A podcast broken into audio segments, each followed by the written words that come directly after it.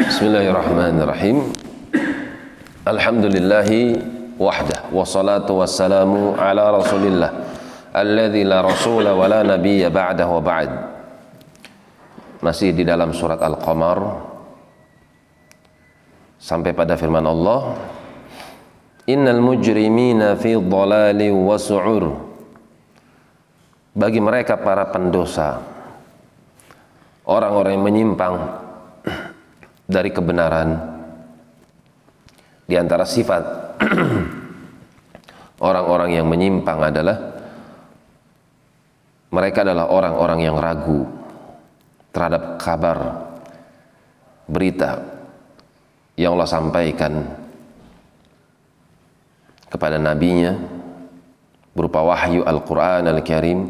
Dia ragu maka dialah mujrim dan termasuk di antara mereka adalah orang-orang yang enggan mentaatinya justru masuk ke dalam larangannya. Mujrim fi dhalal. Mereka dikatakan sebagai orang yang dhalal adalah orang-orang yang menyimpang dari kebenaran wasu'ur dan mereka berada di atas kecelakaan kebinasaan.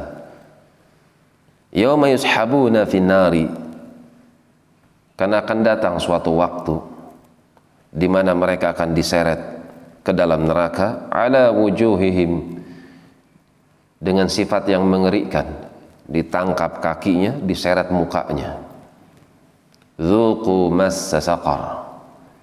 Allah katakan rasakanlah massa saqar. Rasakanlah sejelek-jelek tempat. Tempat tinggal bagi bagi mereka para pendosa. Hukuman yang setimpal. Tuhan yang Maha Tinggi memberikan informasi melalui kitabnya disampaikan oleh para rasulnya. Hati-hati terhadap dunia. Dunia cuma sementara. Beramallah di dunia untuk mendapatkan kesenangan di, di hari kiamat. Ternyata hamba ini nggak beriman. Nggak percaya ucapan Tuhannya mujrim.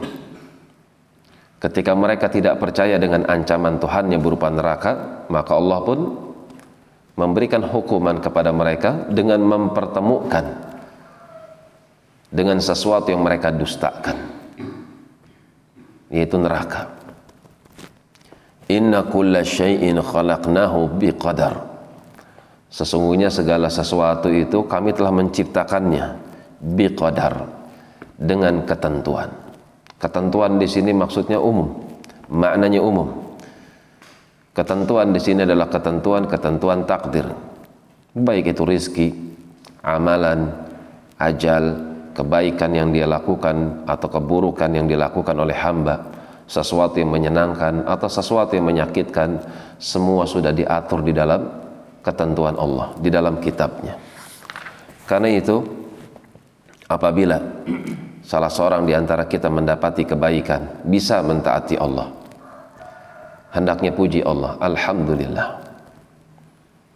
Kita termasuk orang yang digolongkan mudah untuk menempuh jalan-jalan kebaikan.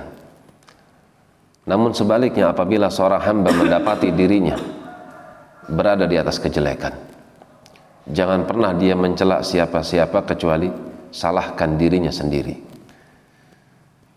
Dan apabila seorang hamba mendapati sesuatu yang kurang menyenangkan pada dirinya, maka ucapkanlah qaddarallah wa ma syafa'ala.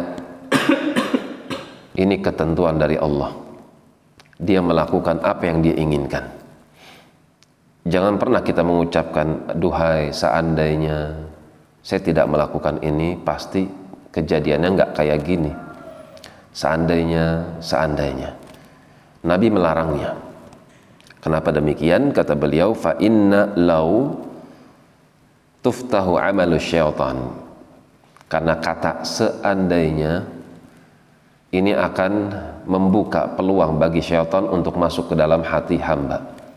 Hamba menjadi sedih, hamba menjadi putus asa, seperti masa depan itu suram baginya. Padahal Allah memiliki ketentuan-ketentuan yang bisa jadi ketentuan tersebut lebih baik daripada musibah yang menimpanya. Karena itu jangan pernah mengucapkan seandainya, seandainya, seandainya terhadap takdir jangan. Akan tapi katakanlah apabila ada satu urusan yang menyedihkan dan sudah berlalu sifatnya, ucapkan qaddarallah wa ma syafa'ala. Ini adalah ketentuan Allah dan Allah melakukan apa yang dia kehendaki. Demikian wallahu taala a'lam bissawab. Subhanakallahumma wa bihamdik asyhadu an la ilaha illa anta astaghfiruka wa atubu ilaik.